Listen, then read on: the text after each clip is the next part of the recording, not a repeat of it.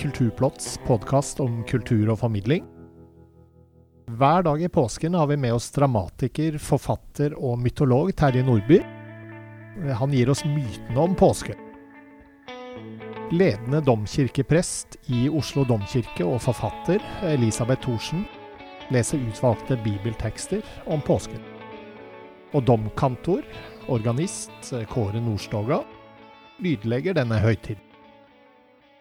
Det blir jo ikke mer påske enn dette.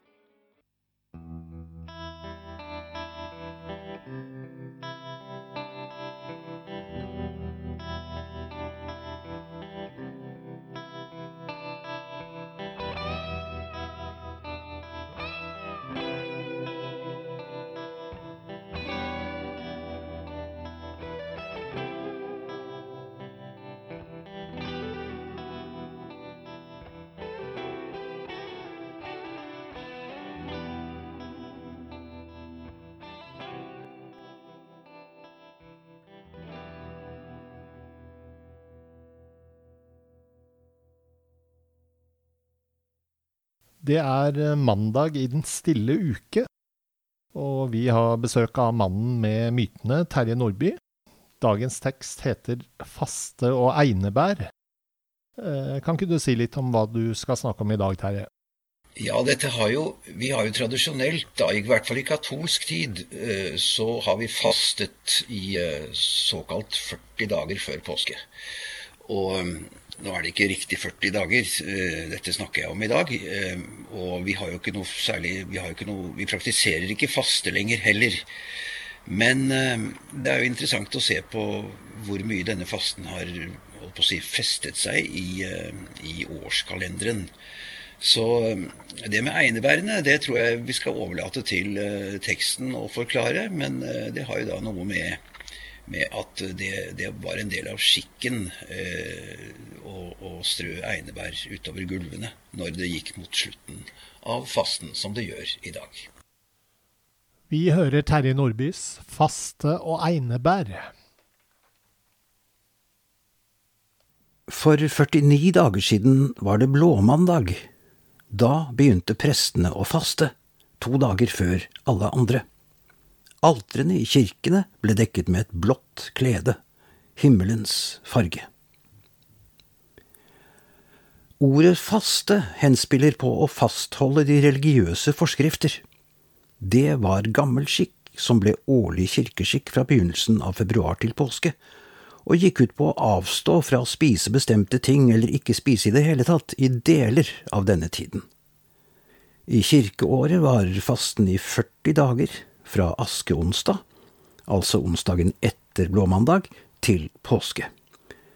At det ikke er 40 dager, men litt mer, kommer av at søndagene som var fastefrie, ikke ble regnet med, og at det er 40 dager, har sammenheng med at både Moses og Jesus fastet 40 dager i ørkenen. 40 er ifølge kirkefader Augustin et ventingens og vandringens tall på jorden. De ortodokse i Russland og Hellas holder fremdeles faste, og spiser ikke kjøtt, melk, egg eller ost i denne perioden. Katolikkene er litt mindre strenge. Og vi protestanter har kvittet oss med det meste av sånne skikker, bare noen navn henger igjen som fastelavn, fastelabend kvelden før fasten, og karneval, kjøttpause, navnet på festen før fasten. Fasten var i middelalderen en samfunnsplikt, og det var straffbart å bryte den. Vi kan gjerne spørre oss om det var denne formen for faste Jesus ønsket. Da fariseeren skryter av at han faster to ganger i uken, kommenterer Jesus slik. Når dere faster, ta ikke på dere en dyster mine som de skinnhellige. De setter opp et riktig elendig ansikt for at folk skal se at de faster. Sånn sett er han på linje med profeten Jesaja, som erklærer Er dette den faste jeg vil ha, en dag da mennesket tukter seg selv, å henge med hodet som sivet, kle seg i botsdrakt og ligge i aske?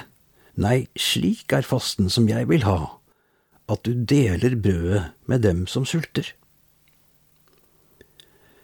Med støtte i Skriften kunne man altså slippe å ta fasten altfor høytidelig, og bokstavelig Men neppe akkurat i dag. Mandag i den stille uke innleder fastens strengeste tid. Gårdsarbeidet skulle få ligge i fred, barna dempe seg, huset rundvaskes og gulvene bestrøs med einer. Bortsett fra at einer lukter godt, hadde det i lang tid fungert som beskyttelse mot underjordiske. Et einevær er dessuten, hvis man ser godt etter, merket med et kors, noe som gjorde at tradisjonen sømløst kunne fortsette i kristen tid. Vi kan forestille oss våre forgjengere mandag i den stille uke kjenne duften av einebær, og stilltiende og ydmykt hungre etter et skikkelig måltid.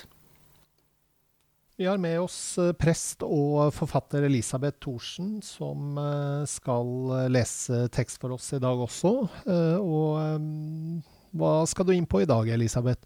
Vi fortsetter i Matteusevangeliet og hører fortellinger fra det som skjedde da Jesus nærmet seg Jerusalem for å feire påske. Og det er så spennende, for det er mange det er så mange ulike menneskemøter som skjer akkurat i den perioden fram mot skjærtorsdag og langfredag. Da hører vi Elisabeth Thorsen. Jesus talte til folket og til disiplene og sa:" På stolen til Moses sitter de skriftlærde og fariseerne. Alt det de sier, skal dere derfor gjøre og holde. Men det de gjør, skal dere ikke rette dere etter. For de sier ett og gjør noe annet. De binder tunge bører som ikke er til å bære, og legger dem på skuldrene til folk, men selv vil de ikke løfte en finger for å flytte dem. Alle sine gjerninger gjør de for at folk skal se det. De gjør bønneremmene brede og minneduskene store. De liker å ha hedersplassene i selskaper og sitte fremst i synagogene, og at folk hilser dem på torget og kaller dem rabbi. Men dere skal ikke la noen kalle dere rabbi, for én er mesteren deres, og dere er alle søsken. Og dere skal ikke kalle noen her på jorden far, for én er deres far, han som er i himmelen. La heller ikke noen kalle dere lærere, for dere har én lærer, Kristus. Den største blant dere skal være tjeneren deres. Den som setter seg selv høyt, skal settes lavt, og den som setter seg selv lavt, skal settes høyt.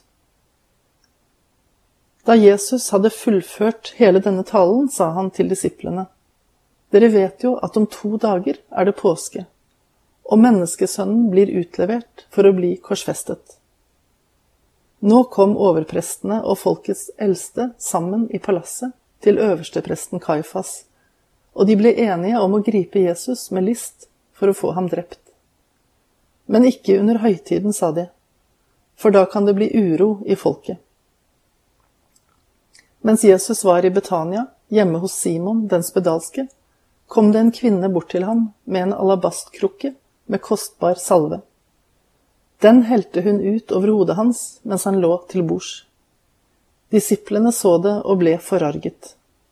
Hva skal denne sløsingen være godt for, sa de. Salven kunne vært solgt for en stor sum og pengene gitt til hjelp for de fattige. Men Jesus merket det og sa til dem, Hvorfor plager dere henne? Hun har gjort en god gjerning mot meg. De fattige har dere alltid hos dere, men meg har dere ikke alltid. Da hun helte denne salven ut over kroppen min, salvet hun meg til min gravferd. Sannelig, jeg sier dere, overalt i verden hvor dette evangeliet blir forkynt, skal også det hun gjorde, fortelles til minne om henne.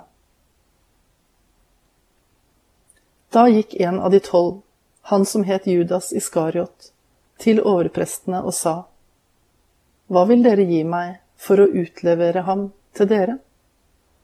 De betalte ham 30 sølvpenger, og fra da av søkte han en anledning til å forråde ham. Vi har med oss Kåre Nordstoga denne påsken.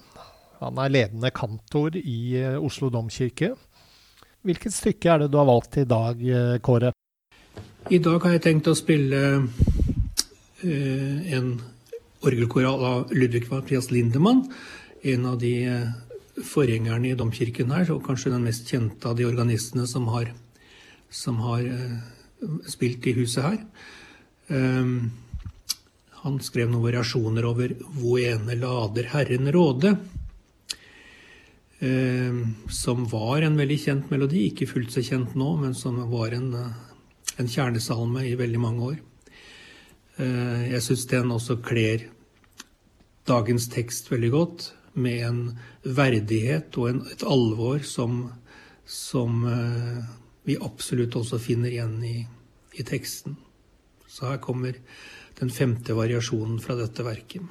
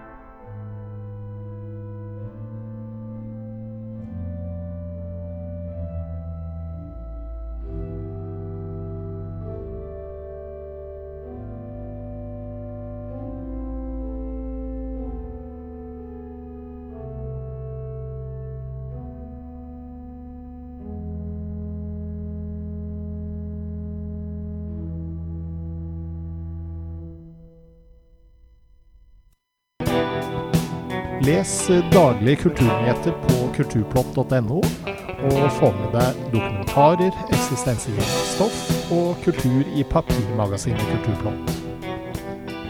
Plottet var ved programleder og teknisk ansvarlig Bård Andersson. For dere som er med oss og lytter til Påskeplottet, har vi et spesialtilbud på abonnement. For tre måneder betaler du bare 99 kroner. Gå inn på kulturplott.no og prøv, da vel.